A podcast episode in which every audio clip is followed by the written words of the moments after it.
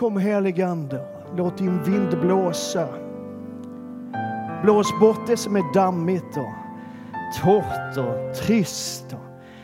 Blås din värme in i vår ande, in i vårt allra innersta.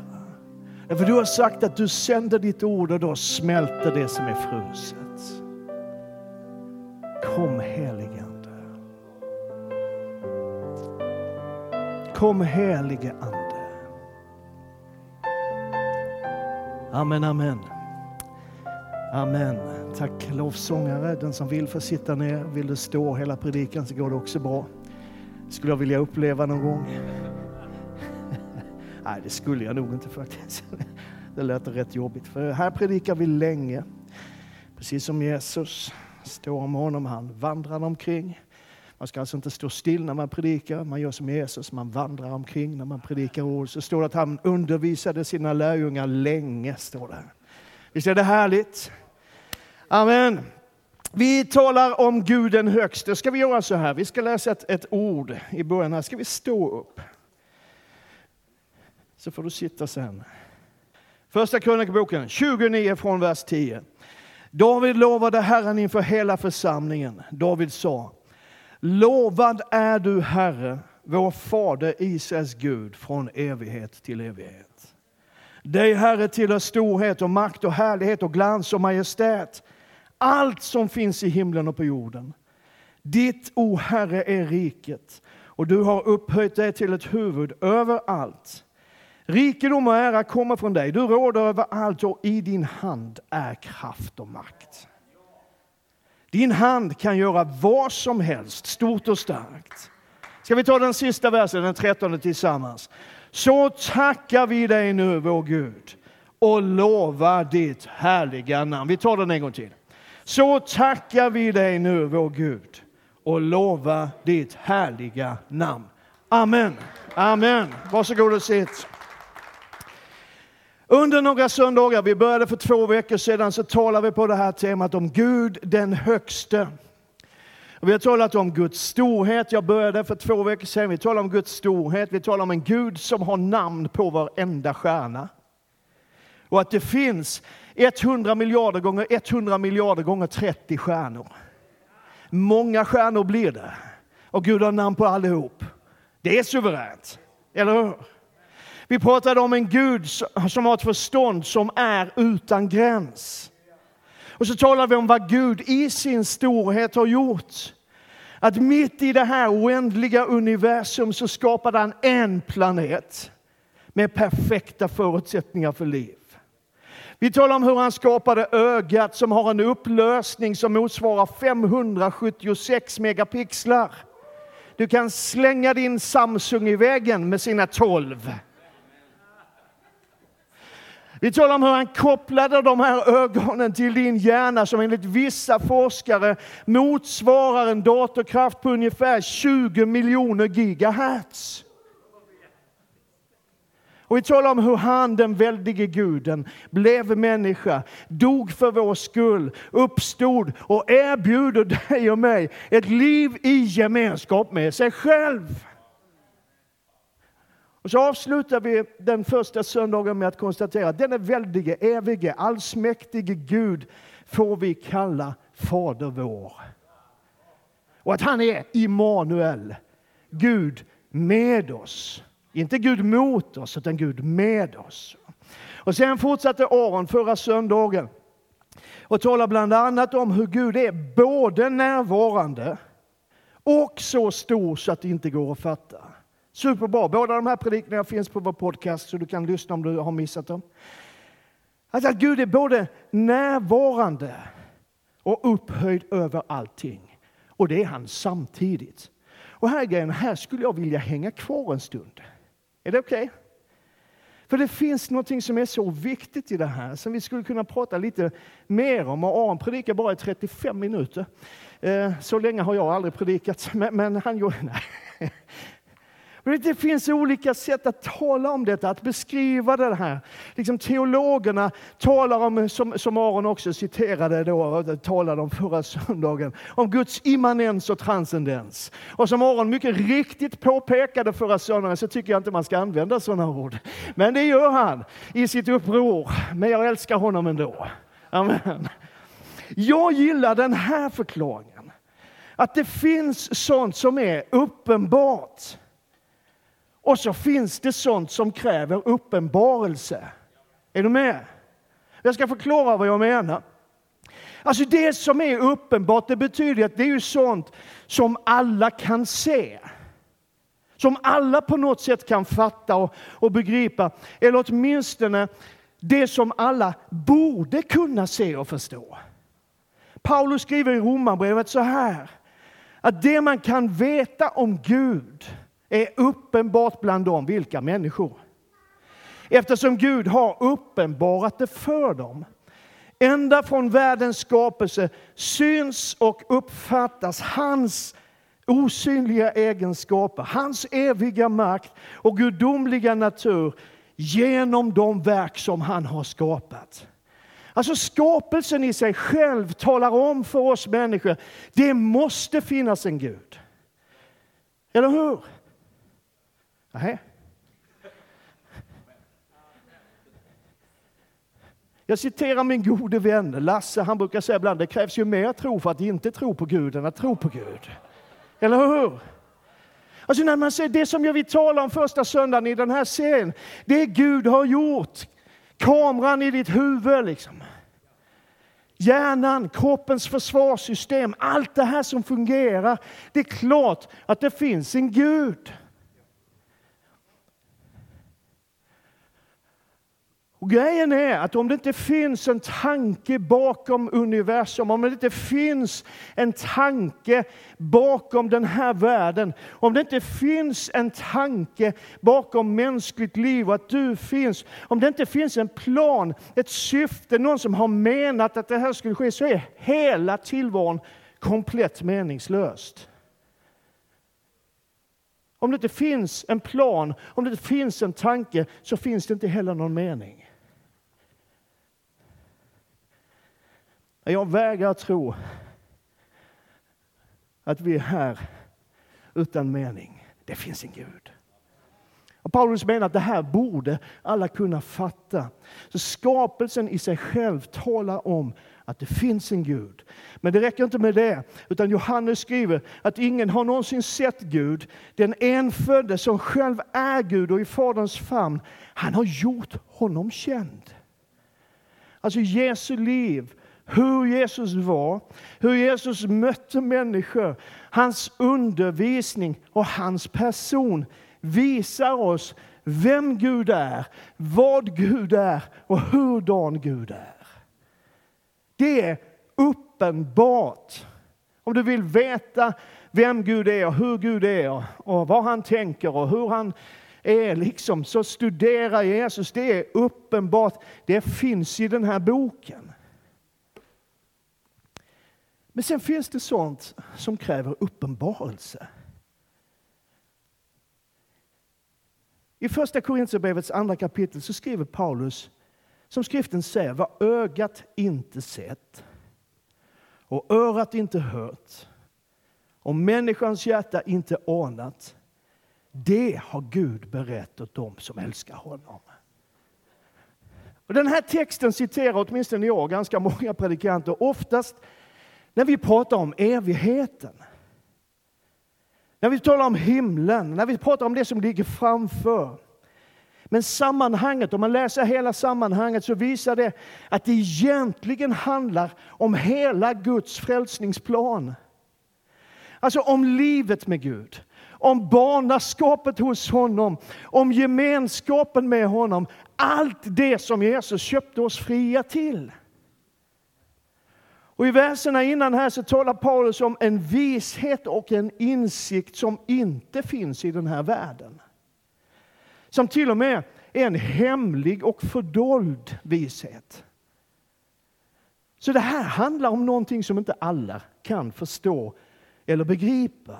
Det som gång på gång genom Nya Testamentet kallas för evangeliets hemlighet. Eller frälsningens hemlighet.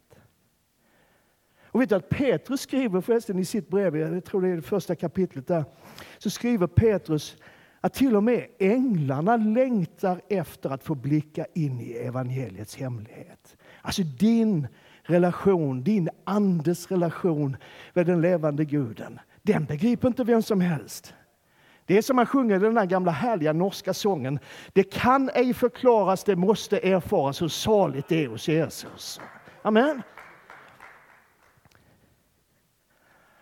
Nu skulle det ju vara ganska jobbigt, får man säga, om evangeliet och frälsningens budskap var så hemligt och så fördolt så att vi bara fick nöja oss liksom med den här versen.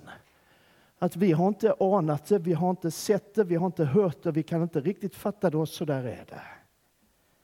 Men Paulus fortsätter, prisat vare hans namn. Och så säger han, men Gud har uppenbarat det för oss genom sin ande. Anden utforskar allt, även djupen i Gud.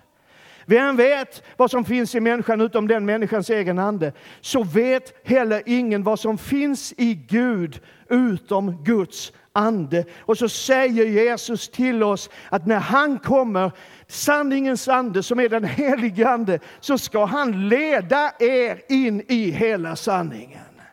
Amen.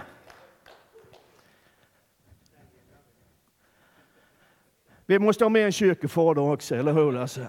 Kyrkofadern Maximus bekännaren som levde 580 till 622. Skriv upp det för det kommer på provet sen. Han skriver så här om Guds storhet. Jag tycker det här är så häftigt. Man får, man får liksom tänka till lite när man, när man tar del av det här. Så här, så här. Oändligheten är utan tvivel något som tillhör Gud, men den är inte Gud själv. För han är oändligt mycket större än oändligheten. Vår Gud är stor, vår Gud är väldig. Han är större än du någonsin kan fatta. Det är som någon vis människa har sagt, Gud är större än ditt förstånd, det fattar du. Amen. Och då blir det ju en rimlig fråga. Vad betyder det här för mig? Vad betyder detta för oss? vi vill liksom ha en förkunnelse i ena kyrkan som, som man liksom kan ta till sig och göra någonting med. Inte bara en kunskap för huvudet, utan en kunskap som skapar tro i ditt liv. Alltså vad betyder det för dig och mig att vi har en Gud som är så stor så det inte går att fatta? Vad betyder det för dig och mig att vi har en Gud som är större än oändligheten? För några månader sedan i höstas någon gång så hade vi en, en serie predikningar som vi kallade för Hoppet som bär oss. Hur många minns det? Ja, det här är ett hopplöst företag. Nej. Hoppet som bär oss. Då sa vi ungefär så här, typ. Att bärigheten i ditt hopp beror på vad eller vem du hoppas på. Alltså man kan hoppas på precis vad som helst. Men om det ska finnas någon grund, om det ska finnas någon bärighet, om det ska vara någon mening att hoppas är helt beroende på vad är det du hoppas på eller vem är det du hoppas på. Det är ju lätt att tänka att om Gud är så stor så han har namn på alla stjärnor. Om Gud är så stor så han är större än oändligheten. Om han är så stor liksom, så han bär allt med kraften i sitt ord. Varför skulle han bry sig om mig? Och jag har själv tänkt ibland när man, man liksom kommer, ja här kommer jag med mina små bekymmer. Världen står i brand och Gud borde vara upptagen med Putin och, och allt, allt, allt så här. Liksom, Gud har väl fullt upp. Har du känt den känslan någon gång? Tänk den tanken liksom. Kommer jag med min futtiga stortå som jag stukade eller vad det nu är. Liksom. Och jag, jag har liksom upptäckt att man är i ganska gott sällskap när man tänker så. David skriver i psalm 8 så här. När jag ser din himmel, dina fingrars verk, månen och stjärnorna som du har skapat. Vad är då en människa?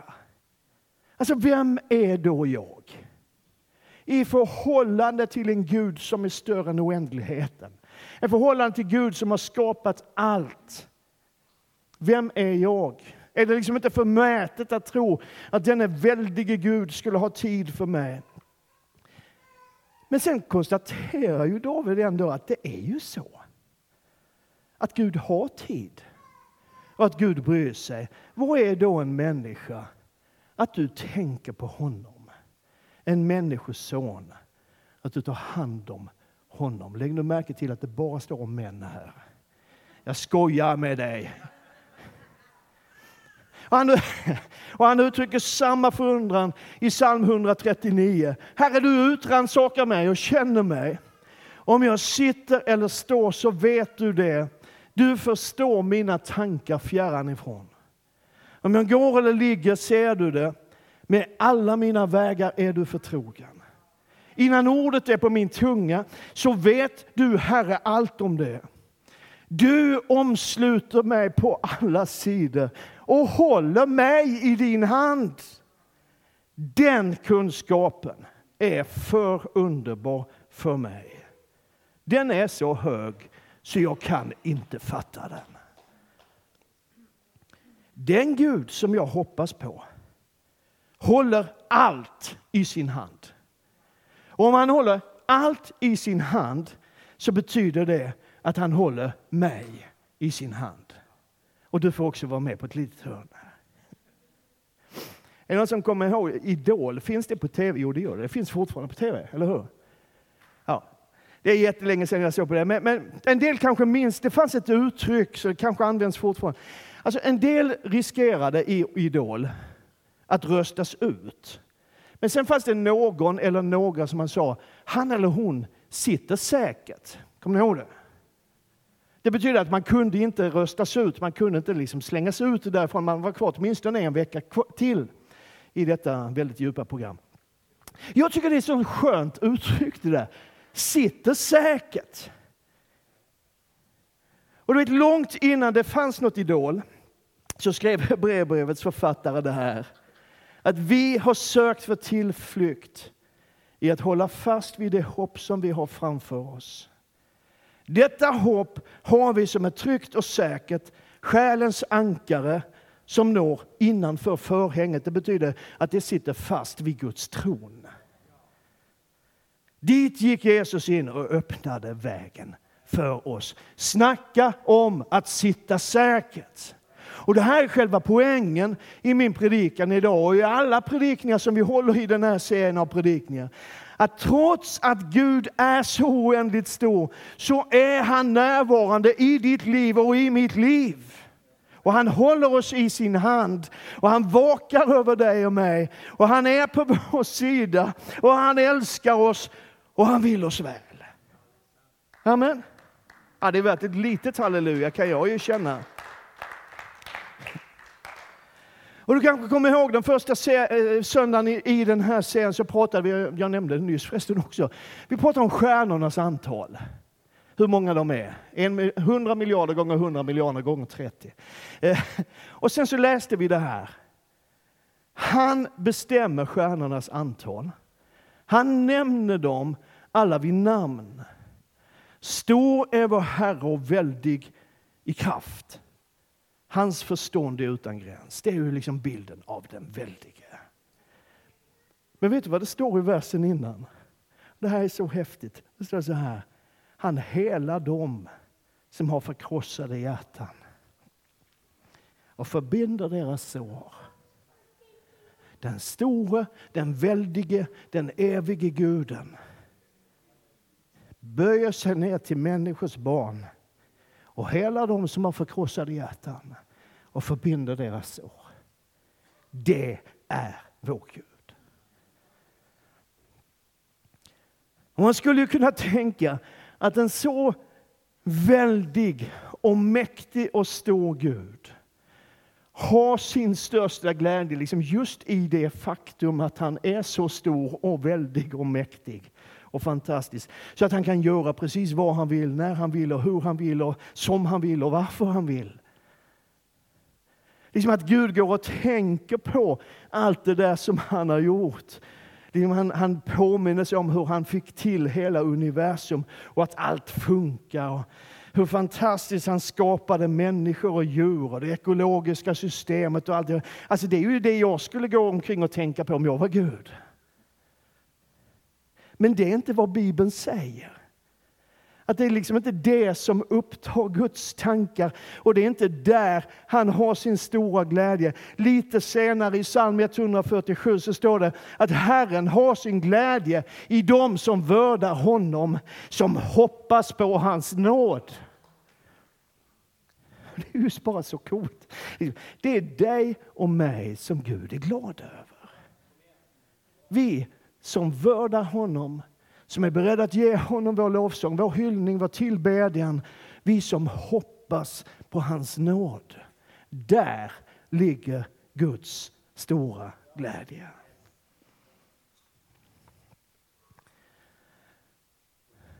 Och kolla här. Gud säger om sig själv. Så säger den höge. Kolla nu här. Här kommer alla de här superlativen. Så säger den höge och upphöjde han som tronar för evigt och heter den Helige. Jag bor i det höga och heliga, men också, och vad jag älskar är de två orden, men också hos den som är förkrossad och har en ödmjuk ande för att ge liv åt de ödmjukas ande, för att ge liv åt de förkrossades hjärtan. Halleluja. Och en av de vackraste texter jag vet, ska jag strax komma dit. Du vet när allting är återställt. Jag tror på en återställelse. Jag tror att det som är liksom målet med den här skapelsen, det är att allt det Gud en gång skapade, den här fantastiska världen, syndfri, ren, hel, där ingen sjukdom fanns, inget lidande, ingen nöd, ingen svält, inget bråk, inget, ingen strid liksom det som Gud skapade. Han såg på allt han hade skapat och sa det här är gott. Och sen skapade han, på sista skapelsedagen så skapar han människan. Både du och jag har ibland varit förvånade och förundrade över hur ond kan en människa bli. Men när Gud hade skapat människan så såg han på människorna och så sa han det här är inte bara gott, det här är mycket gott. Det tror jag att Gud tänker återställa. Och att det är det som hela Bibelns budskap handlar om. Det han tänkte är det han tänker återföra oss till. Amen.